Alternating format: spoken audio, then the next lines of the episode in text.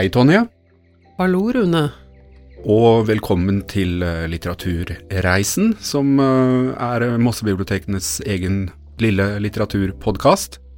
Og i eh, dag så skal vi bedrive en vareopptelling over ting som vi leste i fjor, men som vi kanskje ikke har snakket høyt om ut til folket. Um, men ting som har gjort inntrykk på oss i løpet av 2023. Og det trenger ikke nødvendigvis være bøker fra 2023, men øh, bare ting vi har med oss fra fjoråret, som vi har lyst til å kaste ut til dere der ute. Som et tips til øh, videreutvikling av øh, sjelen. Skal akkurat til å si sjelen. Ja. To sjeler, en tanke. Mhm. Og du Tonje, jeg tenkte at øh, du skal få lov å, å sette i gang øh, ballet her, og si hva du har på hjertet. Ja, eh, med fare for å virke litt eh, personlig, så har jeg vært syk store deler av 2023. Jeg har ligget eh, veldig mye i sengen og hørt på podkaster. Mm. Så hvis det var det vi skulle prate om i dag, så hadde jeg hatt veldig mange tips. Ja, du kan jo du kan jo kan nevne alltids komme med tips der òg. Ja, jeg kan nevne Alt fortalt på NRK, og jeg kan også nevne P3-dokumentæren. Det er min store favoritt. Mm. Altså, det hørtes svensk ut. Ja, men uh, hvis du har hørt på det fem-seks timer eh, om dagen, så skjønner du svensk etter hvert. Men det er ikke han Nileskjær, han P3 Soul. Nei, Han vil jeg anbefale. Det har jeg hørt på mye i 2023. kanskje vi skal ha en hel eh, bokreise om podkaster etter hvert. Den kan vi jo ha, Ja. mm, men ikke i dag. Ikke i dag. Så jeg har lest eh, små og korte ting, Mm. fordi at eh, jeg har ikke klart å lese så mye, ikke tyngre ting, så jeg har eh, lest en god del dikt, Mm. og konsentrert meg om eh, 70-talls eh, norsk lyrikk, faktisk. Mm. Og en jeg har hatt veldig stor glede av, det er Inger Hagerup. Inger Hagerup hun har skrevet veldig mange barnedikt som man sikkert eh, kjenner til. Lille persille og Bakeren på en eh, øde øy. Mm. Husker du han, eh, Den- Rune? Den gjorde meg alltid veldig, veldig trist. Han som åt for mange kaker med krem og syltetøy. Ja. Ja. Men eh, det jeg har lest mest av, det er hennes eh, voksendikt, og de er ofte triste. Mm. Inger Hagerup har også puttet veldig mye innhold inn i diktene sine, som man på en måte kan tenke litt mer på enn akkurat teksten. Mm. Nå skal jeg lese et av de favorittdiktene som jeg har lest av henne. Det er bra. Det var faktisk um, Ikke for, å ødelegge konsentrasjonen, men det er jo mange som kommer og spør om korte, lette bøker fordi at de har problemer med nakke og litt At de ikke vil løfte tungt når de leser. Så dette syns jeg er veldig relevant. Så du mener at de slipper å ligge på ryggen og lese en eh, enorm bok? Ja, altså istedenfor å ha en uh, tjukk knausgård, så kan de ta en lettere bok som kan ha tyngre innhold allikevel. Åh, det var veldig fint sagt. Da skal jeg lese et dikt som heter Episode. Det var på ingen måte noen trette, aldeles ikke, sa han, takk for mat, og ordene falt høflige og lette, men blinkende av gammelt islagt hat. Og vel bekomme, svarte bare hun. Så skjøv hun stolen inn til spisebordet, mens hennes smale, sammenknepne munn bygget en uforsonlig mur bak ordet. De sto et lydløst øyeblikk på vakt og lette begge etter nye våpen, den spisse setningen de skulle sagt, den aller siste beske lille dråpen. Hun følte ordene bli giftig til, den gule frykten ved å kunne såre slo ut i henne, hensynsløs og vill. Da strøk hans fingre rådløst gjennom håret. Og plutselig ble hennes øyne fulle i en avmektig, uforklarlig smerte. Hun merket dypt, bak hat og nag og kulde, den spente streng fra hans til hennes hjerte. Mm. Var ikke det fint? Det var nydelig. Jeg ble nesten så rørt at jeg måtte eh, gispe til pusten. Mm, jeg hørte det. Hørte du det? Ja. Så det, det er et dikt jeg har tenkt, tenkt på, som har satt seg litt i meg. Mm. Og det var en av de korte, små tingene som har gjort inntrykk på meg i 2023. Men hva fikk deg til å gå så langt som til 70-tallet for å finne dikt? Ehm, Det er det jeg vokste opp med. Mm. Mine foreldre hadde en De var vel med i bokklubbens lyrikklubb, var det noe som het. Og de hadde liksom en meter med, med 70-tallslyrikk som jeg har lest litt opp gjennom årene, Mm. men ikke så mye som jeg har gjort dette året. Jeg skal gå rett til noe helt annet, selvfølgelig. Jeg tar en vilkårlig bok fra bunken som eh, er 2023 vareopptellingen. Den er veldig stor, den bunken din, Rune. Du har hatt mange gleder i, i 2023, kan jeg se. Det, det har jeg, men det er noe sånn, ja Noen bøker som jeg bruker som litt sånn bakgrunn for det jeg skal snakke om. Så jeg bare har dem for å ikke glemme at jeg skal nevne det. Um, det er altså da en bok med den uh, besnærende tittelen Kjære kødd av uh, Virginie Despant, en fransk uh, forfatter, kvinne, som har faktisk skrevet noe så Jeg tenkte kanskje at det var litt sjeldent, men en brevroman kan man vel kalle det. Dog i uh, moderne form, fordi uh, dialogen i boka uh, mellom hovedpersonene den foregår som e-postutveksling, og henholdsvis også en blogg. Og det starter med at en, en forfatter, litt forfyllet, litt sånn enfant terrible, forfatter fra arbeiderklassen, han skriver et, et uh, innlegg på Twitter, er det vel, hvor han uh, virkelig hunser en, uh, en litt fallen diva innenfor filmbransjen og, og sier at hun har forfalt og blitt feit og stygg, og er uh, generelt veldig ufin. Um, Oscar heter denne forfatteren. Og han får da veldig fort tilsvar fra, fra denne skuespillerinnen, som, som åpner svaret med nettopp 'kjære kødd', og forteller han hvordan øh, landet ligger, og at han ikke skal um, komme med sånt øh, ræl ut på nettet.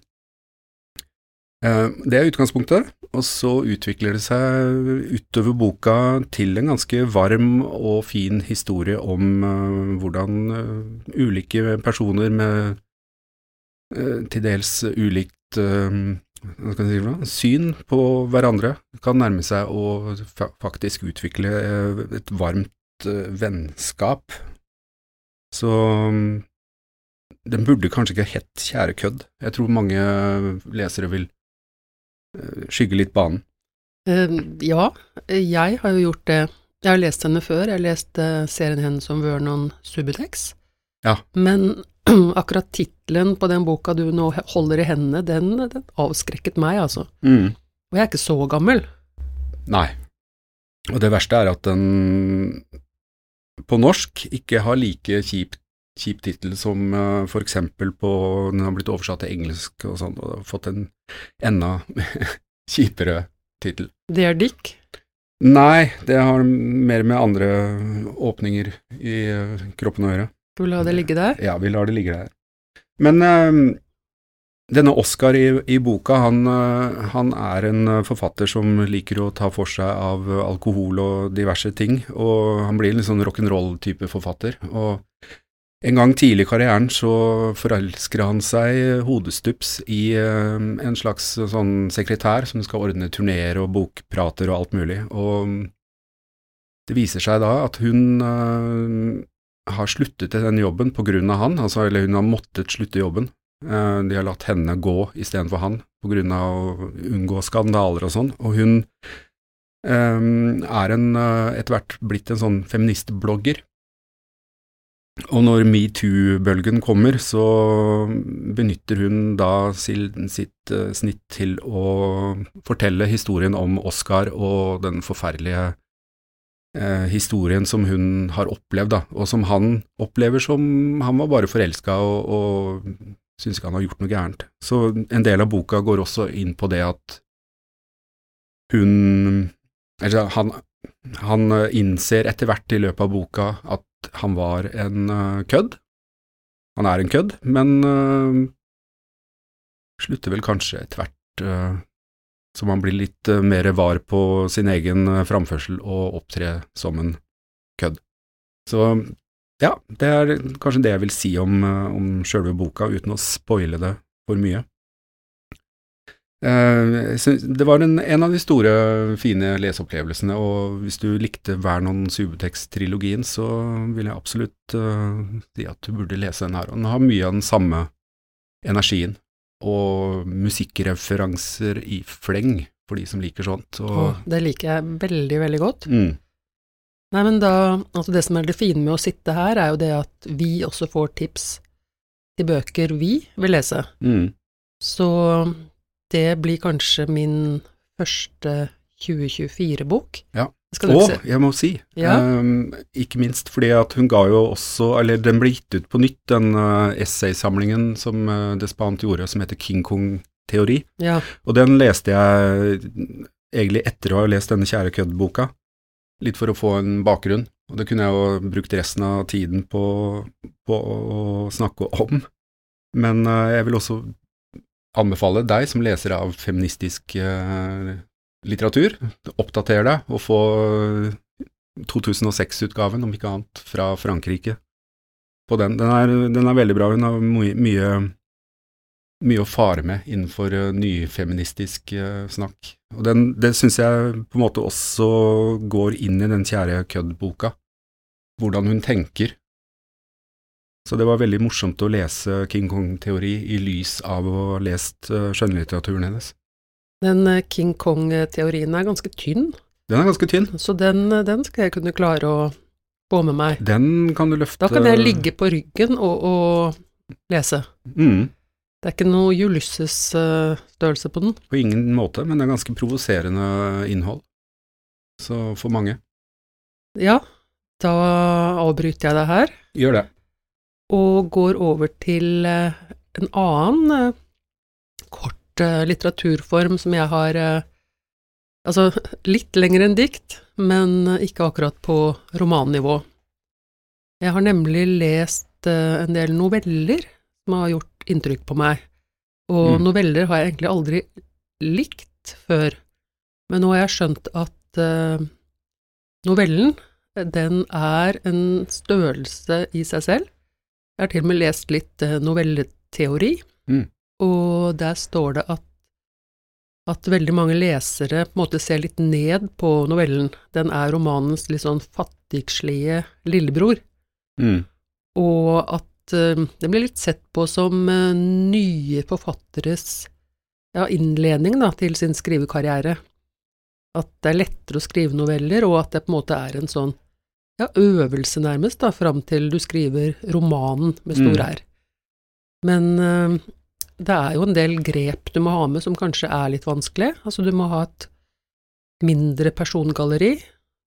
Du må ha en overraskende hendelse og det må foregå på et litt, litt kortere tidsrom. Så det er en del grep som kan kanskje være litt vanskelige. Og den store novelleteoretikeren, for det fins, mm. han heter Morgan Friedman, og han sier at novellen i seg selv er en stor og nobel kunstform. Mm. Så jeg hadde jo dikt fra 70-tallet, men eh, nå har jeg på en måte gått enda lenger tilbake i tid og lest en novelle av John Cheever. Han er det mm. ikke så mange som har hørt om. Han har jeg ikke hørt om. Du har ikke hørt om han? Jeg fikk han gjennom min gamle kollega Alex, som har en uh, Instagram-side som heter uh, Lesing i hamsterhjulet. Mm. Han, uh, han, er i hamsterhjulet fordi han har små barn, Og jeg er vel litt i hamsterhjulet, jeg, for å rekke å lese i de gode periodene. Mm. Og den eh, eh, novellen som jeg, skal, eh, som jeg har lest og gledet meg veldig over, det er en som heter Svømmeturen. Cheever er veldig kjent i USA. Han blir kalt for Tsjekhov fra forstedene. Det er ikke galt. Det, Det er ikke noen Nei, gal merkelapp å ha på seg. Mm. Så den mest kjente novellen hans er den svømmeturen. Og det handler om en mann. Han heter Neddy Merrill, og han er i et flott uh, slags sånn lunsjparty i uh, vennenes hage. Og det er varmt, det er nydelig. Neddy er han er middelaldrende, men i sitt livs beste form. Så han bestemmer seg for å svømme hjem. Han skal svømme 1,3 km hjem til huset sitt, og han skal ikke svømme i en elv eller et vann, han skal svømme gjennom elleve svømmebasseng. For dette er i eh, Det er vel i New Hampshire han skriver mest fra, og svømmebassengene ligger da tett i denne rike forstaden. Han er så Han føler seg så ung og sprek, og han starter sin ferd ved å svømme gjennom naboens svømmebasseng, og han eh, svømmer gjennom et par-tre basseng, og der er det venner og bekjente som har sånne poolpartyer hvor enn han kommer. Han får drinker, han får slag på ryggen. Mm. Alle syns at det er en vanvittig morsom historie å, å svømme hjem. Men eh, etter hvert så føler han seg veldig sliten, og det nydelige sommerværet det begynner å, å gå litt over. Altså, han ser trærne siden av bassengene være litt gule, og folk er ikke like hyggelige når han kommer svømmende gjennom bassengene deres. Der det bare var godord, så begynner det å bli litt sånn hvisking og tisking bak ryggen hans. Han må spørre om å få en drink istedenfor å bli servert det. Og det han hører er sånn Ja, det gikk veldig dårlig med ham. Ja, fryktelig med kona og barna. Og han skjønner, han skjønner veldig lite. Han, øh, han forlater de der litt sånn fiendtlige partyene og svømmer videre. Begynner å bli så uendelig sliten, og det begynner å regne, det begynner å blåse, det begynner til og med å snø. Eh, Da, og da han svømmer gjennom bassenget til den gamle elskerinnen sin, Shirley Adams, istedenfor å være vellystig, så blir hun frekk og sier at du får ikke låne en cent av meg. Og altså, alt blir Alt blir på en måte Det rakner, han er sliten, det begynner å snø. Så kommer han endelig hjem til huset sitt. Huset hans er tomt, vannrenna henger som en sånn slarkete orm foran eh, inngangsdørene hans, og huset er mørkt og tomt. Mm. Det er en av de mest gjennomanalyserte novellene i amerikansk historie. Altså, hva er det som skjer på veien? Hva er det som denne ferden symboliserer? Mm. er det Odyssevs reise? Er det det at han blir Er det livet hans på en måte som passerer revy mens han, mens han svømmer? Eh, og jeg har lest den faktisk eh, Jeg tror jeg må ha lest den fire ganger. Altså, den skjønner mer og mer etter hvert som du leser, og jeg, hadde en kjempeopplevelse altså med den. Mm. Den kom ut i 1964, men eh, det er ganske morsomt. Rune, har du hørt om bokhylla.no? Eh, ja. Ja. Der, eh, det er ikke noe app, du bare går inn i nettleseren, Mhm. bokhylla.no, og der er det enormt med bøker som du kan lese på mobilen din, på lesebrett. Mm. Bare klikker eh, Den eh, novellesamlingen den er hentet fra, heter Engelen på broen. Man kan bare klikke på den eh, nestleseren, inn Mm. på tittelen, og så ligger det en skannet bok der. Det er veldig, det er 40 000 bøker som er tilgjengelige. Da fikk jeg med litt reklame. Wow. 40 000. Yes. Men uh, meld fra før du drar, er jo ikke det en sånn fjellvettregel. Han burde kanskje gjort det før han i hvert fall sagt ifra til kona og unga at nå, nå skal jeg Mm. svømme. Han må jo ha svømt en god stund der. 1,3 mil har han svømt. Ja. Så um, altså, gå inn på den, den eh, mailadressen og, og sjekk ut den novellen. Altså, det er som et slag i, i Slutten er som et sånt slag i magen. Mm. Ja, men den, den fikk jeg Ja, nå har jo du fortalt den. Men det er vel andre noveller å, å dykke ned i den samlingen. Er det, er det tilsvarende bra, det andre? Uh, nei. Nei. Det er på en måte det som er eh, kronjuvelen hans, kan man Mm. kanskje si. Ja, da skal jeg forlate dette her, for jeg ser at du, du har mer du å by på. Ja, nå forlater vi svømmebassengene og går inn i eh, tørt territorium, for å si det mildt. Det er eh, via Tore Kvevens bok Raut støv, bok én. Og det er øh, noe så sjelden som en norsk science fiction eh, Ja, man kan i hvert fall kalle det science fiction. Den ligger i hvert fall fram i tid, altså i Australia. 2060 er det anleggen foregår.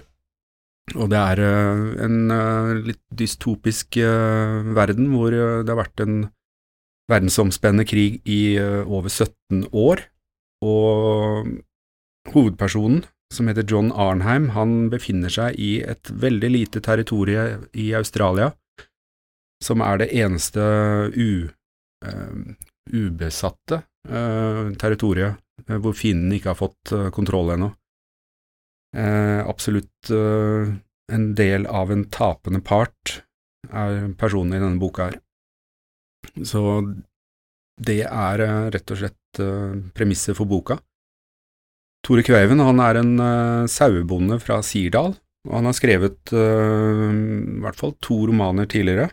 Uh, da har han vært tilbake på jernaldertid, sånn 1060 vikinger og, og sånne ting. Nå gjør han et kvantesprang og går fram i tid.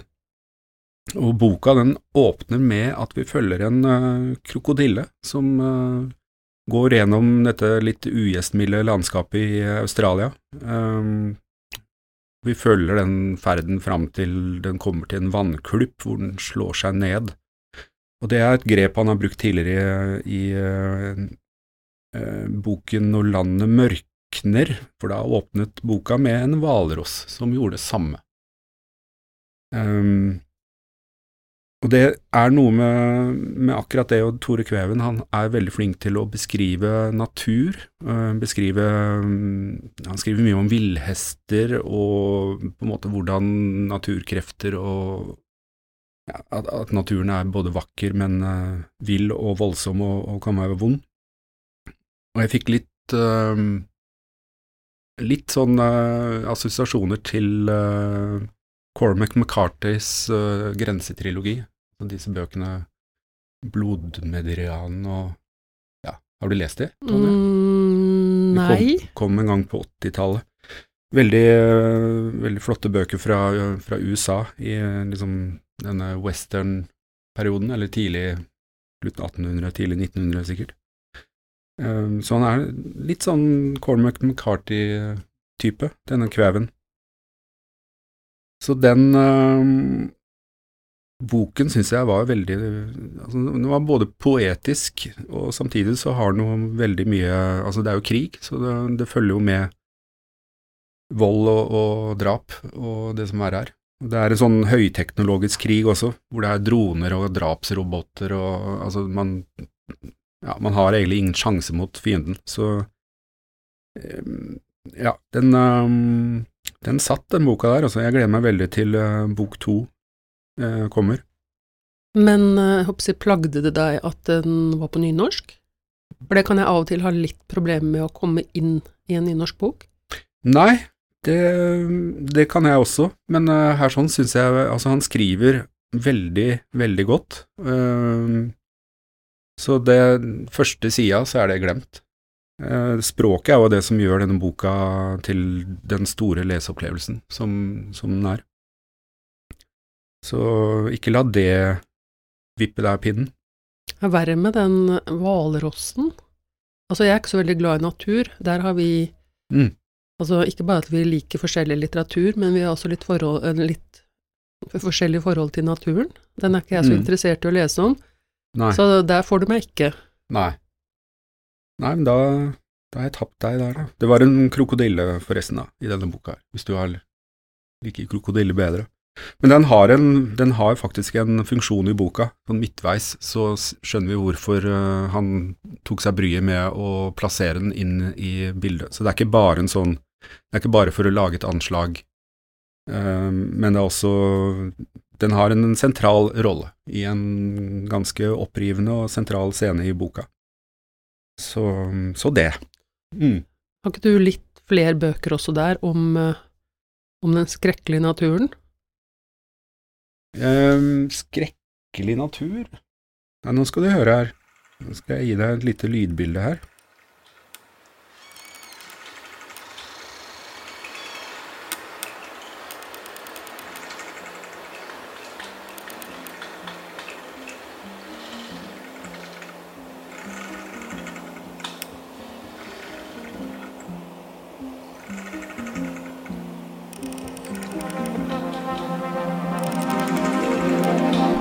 Hva dette her eh, i bakgrunnen kan være?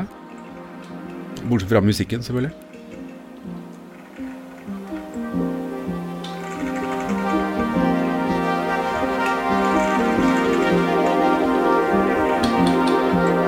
Det er noe som eh, knirker.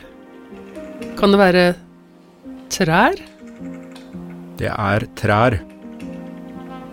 Rett og slett. Det er trær som jeg har tatt opp i eh, Nordskogen i Ås.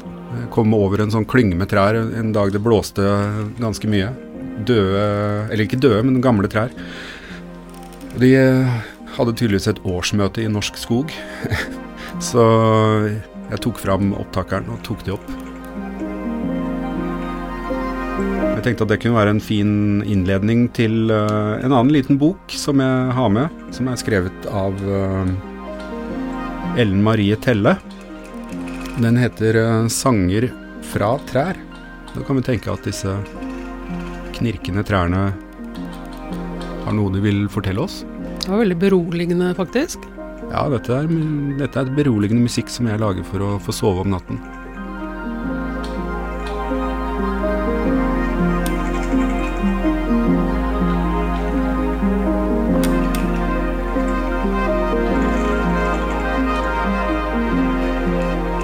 Ellen Marie Telle hun har skrevet en bok som heter 'Sanger fra trær'.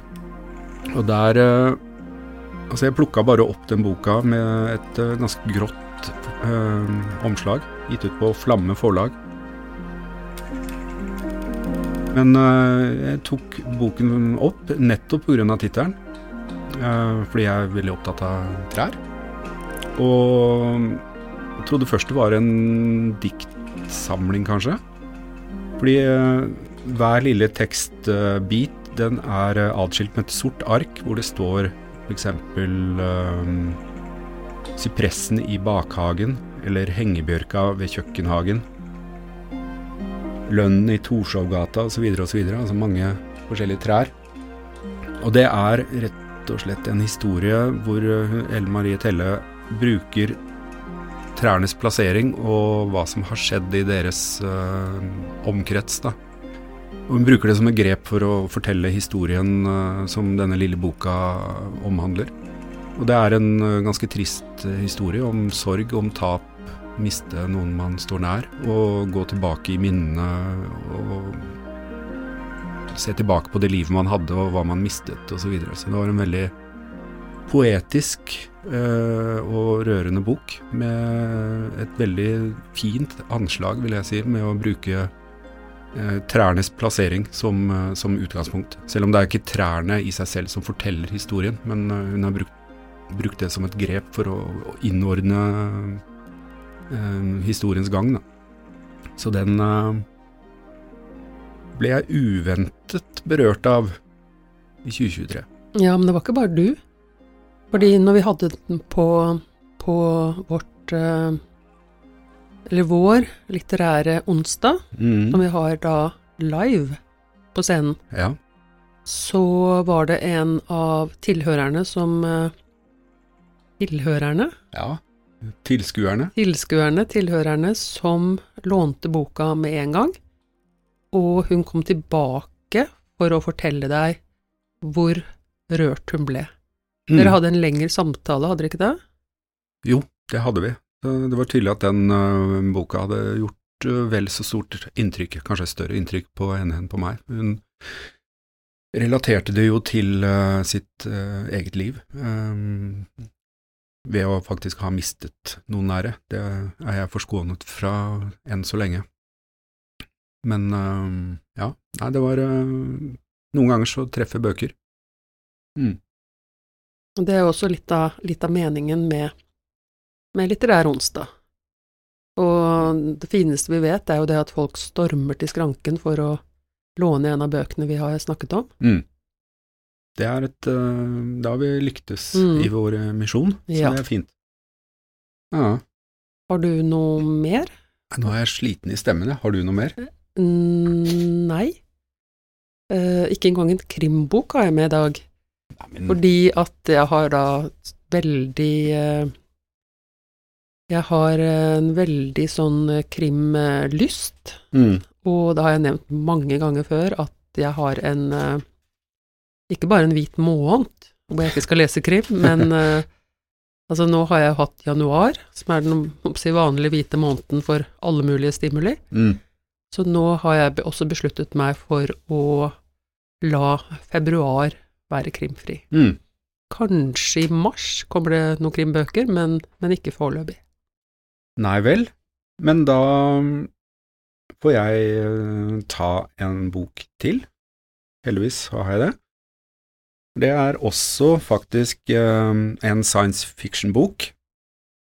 Uh, da må jeg bare si at jeg er ikke en science fiction-leser, uh, men jeg så at denne boken her, som er skrevet av Liu, Liu Zixin, kineser, jeg vet ikke hvordan man skal uttale navnet Hørtes helt greit ut.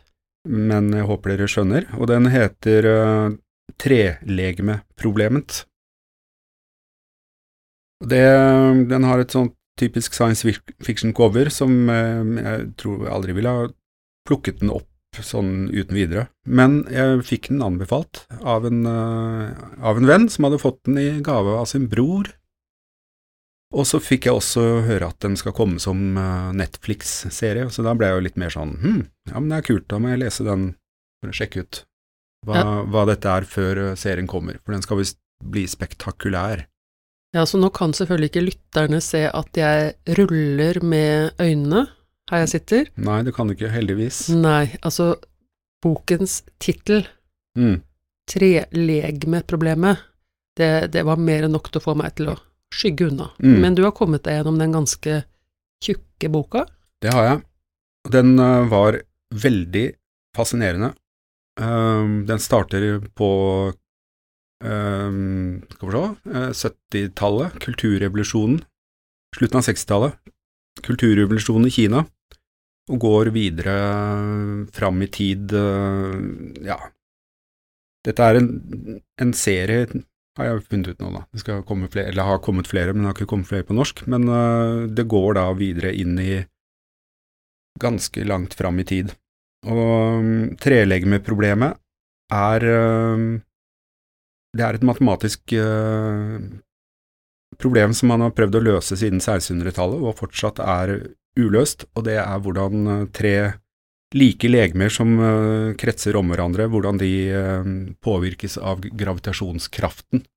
Og det viser seg at det er helt umulig å, å um, forutse banen på disse tre objektene. Man kan tenke seg da hvis det er tre soler rundt en planet, og planeten da skal prøve å opprettholde et slags økosystem, Eh, at du skal ha soloppgang klokken eh, ni og solnedgang klokken eh, elleve, så er det ikke det som kommer til å skje i en sånn verden. Det vil være helt random.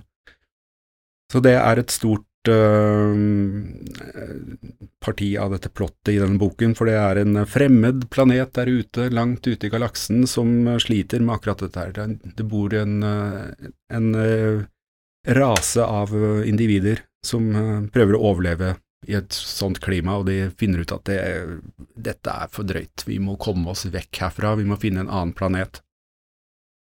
Og det er det som er uh, utgangspunktet for uh, hovedpersonen, som uh, sitter ved en lyttepost i noe som heter Radarfjellet i Kina. og sender ut eh, Altså, mennesker har jo sendt ut beskjeder til verdensrommet. eh, sånn plater av Beatles og gud veit. Hvis de finner det, altså hvis noen finner det, så er det jo Jeg vet ikke. Er burde, de burde ikke ha gjort det, da. Ikke sendt ut eh, sånne kapsler med Med info. Nei? Nei, det har mennesker gjort. Eh, Det gjorde vi vel på 60-70-tallet. Så i boka her så er det da selvfølgelig noen som eh, mottar disse signalene. Um, og de sender en signal tilbake som um, er litt urovekkende, fordi signalet tilbake er fra en pasifist på denne planeten som sier 'ikke svar, ikke svar, ikke svar', for all del. Nå blir det Vi- veldig rart. Men hun, eh, hovedpersonen, hun har lest en bok som heter eh, Den uh, tause våren er Rachel Carson. av Rachel Carson. Og det har gjort at hun har mista helt troen på menneskeheten. Eh, hvordan mennesker eh, i antroposofisk, heter det det? Antroposentrisk eh, Ja. grad da har plassert seg selv som hersker over, eh, over alt liv, og ødelegger planeten sin og alt annet liv. Så hun tenker som så at eh, en intelligent eh, Hvis noen kommer og kan ta over skuta, så får de heller gjøre det, og så kan planeten leve videre. Høres det en grei måte å, å avslutte vår eh, litterære reise på? Litt hengende i lufta. Vil du si noe kort om eh, Rachel Carsons bok? Altså, det er jo en milepæl i klimadebatten. Gammel, er den ikke det? Den er fra 1958, eh, og hun skrev om, eh, om Monsanto dette, eller, og andre firmaer som brukte DDT for å bekjempe insekter, for bl.a. å redde almen i USA. Og det førte til at uh, annet rødstrupen daua. Den ble helt utrydda i områder, og alt annet liv da som gikk lenger ned, for dette forplanta seg ned i meitemark, og ja, det er en ganske grusom Mm. historie. Men det førte jo til at hun på et ganske Altså uten å være som Hva skal jeg si for noe? Professor. Sånn, hun klarte å formidle dette til veldig mange, at vi må slutte med, med dette her. Men hun ble også motarbeida på det sterkeste av alle disse som lager um, plantevernmidler, da. For de lever jo av å, å gjøre det. Så jeg kan godt skjønne at noen mister trua på menneskeheten av å ha lest den boka. Men eh, ja, men, nei, vi kan si at det var slutten. Jeg skjønner at science fiction ikke er greia di, så Mm, Altså, jeg vil si at eh, ja, tittelen som jeg sa, at den skremte vettet av meg. mm, Men uh, det er jo ofte sånn at science fiction ikke trenger å leses som en sånn vanvittig fremtidsvisjon, men også at det er jo allmenne menneskelige problemer, bare satt i en, en litt annen tid. ja. Og det er absolutt dette Altså, dette foregår på 60-tallet, 80-tallet og videre da framover. Mm. Men mesteparten av eh, bokas handling er jo i, vår, i vår tid, da, hvis du sier i anførselstegn eh, den tiden vi lever i. Ja, så det Herregud. trenger ikke Det er ikke 2190. Nei, ikke sant, så det trenger ikke virke så avskrekkende på lesere som ikke er så glad i science fiction. Nei, jeg, jeg vil si at en god science fiction-bok, den klarer jo Altså, alt det der science-opplegget, det, det ligger jo der som et premiss, men eh, klarer man å forklare det og, og gjøre det sannsynlig, like sannsynlig som taklampa over huet ditt, Mm. så, så er jo det bare en del av eh, rammene rundt, og så er historien selvfølgelig dypt menneskelig. Mm. Så- da får du fiction. Det er eh, fiction med litt science, ja. Så det, det sier jo mer om mellommenneskelige ting enn eh, Det er ikke noe space opera, sånn Mm. sett. Så ikke la dere skremme av eh, en tittel som uansett ingen har klart å løse problemet på. Så. Mm. Nei, men da lar vi eh, ting fade ut med litt eh, lystig søvnmusikk. Så sier vi velkommen tilbake neste gang. Og takk for oss. Takk for oss.